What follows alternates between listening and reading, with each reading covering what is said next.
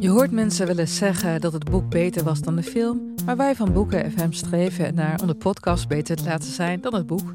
Wij lezen de klassiekers die je nog niet gelezen hebt. We lezen de boeken die je heel graag wil lezen, maar waar je eigenlijk voor schaamt om in het publiek mee gezien te worden. We lezen de Libris-winnaars. Uh, we praten over de Nobelprijslariaten. Allemaal zoals je een etentje hebt dat je moeiteloos mee kan praten en dat het lijkt alsof je helemaal belezen bent. Wij zijn Ellen, Joost en Charlotte van Boeken FM en je kunt ons luisteren in je favoriete podcast-app.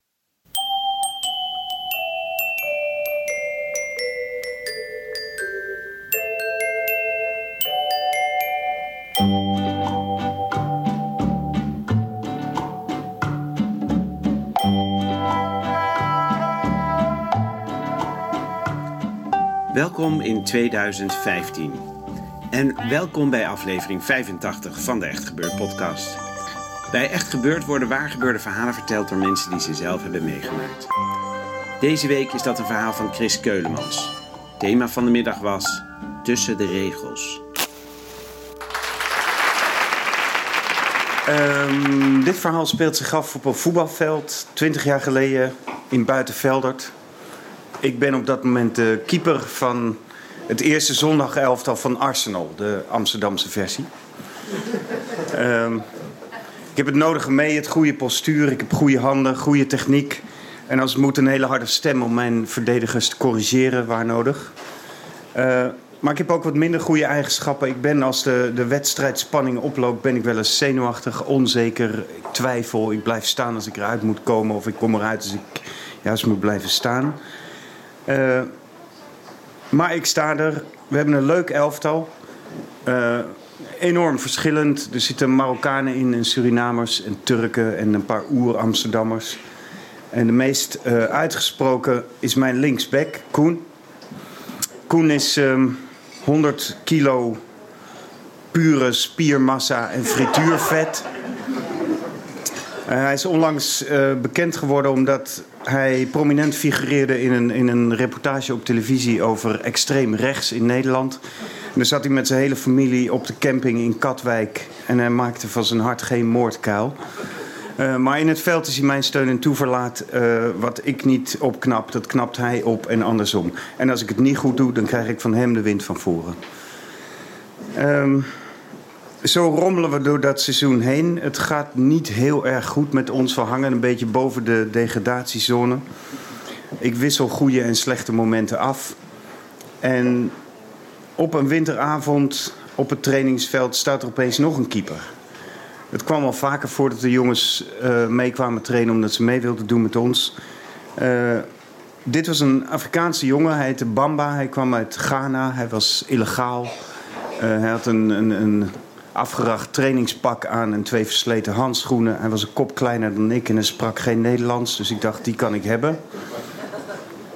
Totdat we voor de training de warming-up gingen doen. Zoals keepers dat doen, dus dropkickje, je schiet hem, je pakt hem, je schiet hem weer terug. Uh, en ik zag het meteen, deze jongen heeft het. Hij had een perfecte vangtechniek, hij was atletisch, katachtige reacties. Hij was gewoon heel erg goed. Uh, en het duurde natuurlijk niet lang voordat de andere jongens het ook door hadden. Uh, en op een voetbalveld, uh, um, als je goed voetbalt, dan hoor je erbij. Dus het maakt niet uit waar je vandaan komt, wat je vader doet, hoe je heet, hoeveel je verdient, wat dan ook. Als je goed bent, dan hoor je erbij. En bij ons was het zo, als Koen tegen jou grappen gaat maken, dan hoor je erbij. Dus hij maakte grappen over Marokkanen en Turken tegen Marokkanen en Turken. En in dit geval stonden we op een winteravond na de training in de kleedkamer onder de douche. Uh, en toen ik Koen naast Bamba hem zijn favoriete mop zag vertellen, namelijk die over een neger met een lul van twee meter. Iedereen lag op de bankjes dubbel van het lachen. Uh, Koen natuurlijk het hardste. Bamba lachte een beetje schaapachtig mee, want hij, verstond maar drie woorden Nederlands. Maar op dat moment wist ik, Bamba is binnen en ik heb een concurrent. Dus ik was onzeker in die periode. En ik werd alleen nog maar onzekerder, omdat ik op dat moment ook mijn eerste boek net af had. Uh, en nou hadden we een enorm uiteenlopend elftal met hele diverse jongens erin. Maar één ding hadden ze gemeen, in hun universum kwamen geen boeken voor. Uh, laat staan dat je een boek zou schrijven, zoals ik had gedaan. Die zwijgzame keeper die altijd in hun rug stond te kijken, had een boek geschreven over de wederwaardigheden van een doelman in het Amsterdamse amateurvoetbal. Namelijk over mezelf en over hun dus. Dus opeens bleek die jongen in hun rug al die tijd naar ze gekeken hebben, te hebben en, en daar ook nog een boek van te hebben gemaakt. Dus ik was bloedzenuwachtig voor de boekpresentatie. Uh, en de afterparty daarvan vond plaats in de kantine van onze voetbalclub Arsenal. En daar heb ik aan al mijn medespelers een exemplaar van het boek uitgereikt. Het was een heel ongewoon en ongemakkelijk uh, ritueel. Um, over de literaire kwaliteiten van het boek had ik geen enkele twijfel. Ik dacht, nou, dit wordt sowieso een geprezen meesterwerk. Maar ik was helemaal niet uh, uh, gerust over de ontvangst door mijn medespelers. Ik had er ook gewoon uh, de volgende week, volgende week uitgeknikkerd kunnen worden. Ze twijfelden toch al aan mijn kwaliteit en dan zo'n boek. Dus ik was bang toen ik die zondagmiddag voor het eerst na de boekpresentatie op de club kwam. Maar eenmaal in de kantine werd ik meteen bestormd door Koen. 100, meter, 100 kilo uh, uh, spiermassa en frituurvet. Die me in een soort enorme berenhuk omhelste. Koen had van zijn leven nog nooit een boek uitgelezen. Maar dit had hij uh, van begin tot einde verslonden. En dan met name het slot van het boek. Het was een soort jongensboek, dus het had ook een jongenseinde. In het laatste hoofdstuk ehm, Spannende wedstrijd, 0-0. En vlak voor tijd kegelt Koen, zoals hij dat wel vaker deed, zijn tegenstander ondersteboven in het strafschopgebied. En de scheidsrechter fluit penalty. Dus ik krijg een penalty tegen in de laatste minuut van die wedstrijd. Ik ga staan, de aanvoerder van de tegenpartij neemt een aanloop. Ik kies de goede hoek, ik stop die bal. En mijn hele achterhoede bespringt mij uh, juichend. Koen voorop, 100 kilo uh, spiermassa en frituurvet. Dat is het einde van het boek. Koen vond het geweldig. Dus ik liep die zondag een beetje met verende tred het veld op. Voelde me iets beter dan daarvoor. Bamba zat op de reservebank. Ik stond er nog in.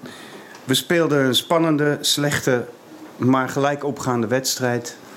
Mm, totdat bij de stand 0-0 vlak voor tijd, Koen, zoals hij dat wel vaker deed, een tegenstander omverkegelde in het strafschopgebied. Is echt gebeurd. En de scheidsrechter fluit. Een penalty. Dus uh, ik ga staan met een uh, uitgestreken gezicht, zoals je hoort te doen als keeper in zo'n situatie. Het is de meest kansloze situatie waarin je terecht kan komen als keeper. Dat weet je. Maar je moet eruit zien alsof je de situatie volledig meester bent en exact weet in welke hoek die bal gaat komen en dat je hem gaat pakken. Dus zo ging ik daar staan. En de aanvoerder van de tegenpartij pakt de bal, legt hem op de penaltystip, uh, loopt een stukje terug voor zijn aanloop en op dat moment roept Koen naar mij: Chris, denk aan je laatste hoofdstuk. en. Uh, nou wordt er op een voetbalveld enorm veel geroepen en geschreeuwd en gedaan, maar niemand heeft het ooit over een laatste hoofdstuk. Uh, dus ik moest eigenlijk lachen, maar ik hield natuurlijk mijn uitgestreken gezicht. En een paar van die andere jongens gingen dat ook doen. Dus opeens riepen ze allemaal: Chris, denk aan je laatste hoofdstuk. ik werd vanzelf uh, drie meter lang. Scheidsrechter fluit, de aanvoerder neemt zijn aanloop. Ik kies de goede hoek. En ik stop die bal. En even later duikt mijn hele team bovenop mij. Koen voorop. 100, kilometer, 100 kilo spiermassa en frituurvet. Brabbelend van geluk. Uh, dus uh, het boek werd waarheid. Um, nou, wat is er uiteindelijk gebeurd met deze dit sprookje van een multiculturele samenleving. Dit sprookje van vrienden voor het leven die je vormt als voetbalelftal. Dit sprookje over een neger met een lul van twee meter. Een half jaar later uh, was Koen weggekocht door een hoger spelende amateurclub met een sponsor die veel geld had. Uh, Bamba was verdwenen in de schaduwen van de illegaliteit, nooit meer gezien. Een andere keeper had zich gemeld die overduidelijk drie keer zo goed was als ik. Dus ik zat op de reservebank en ik was in die tijd bezig met mijn volgende boek. waarin ik uh, eindig op de top van de Empire State Building in New York. En klaar sta voor een sprong naar beneden, waarbij ik veilig op twee voetjes op het trottoir uh, terechtkom. Maar hoe dat afliep, dat vertel ik een volgende keer.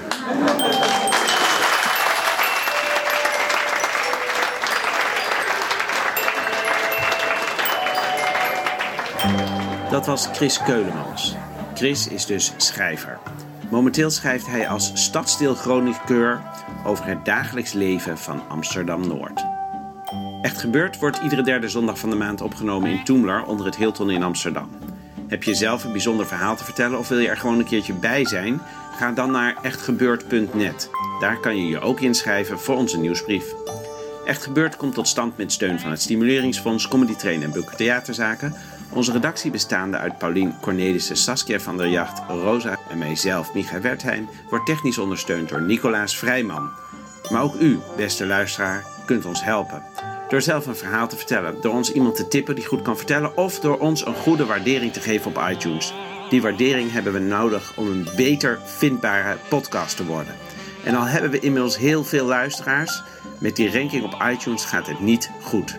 Waardeer ons dus op iTunes. Dat is nou eens een goed voornemen dat ook nog haalbaar is.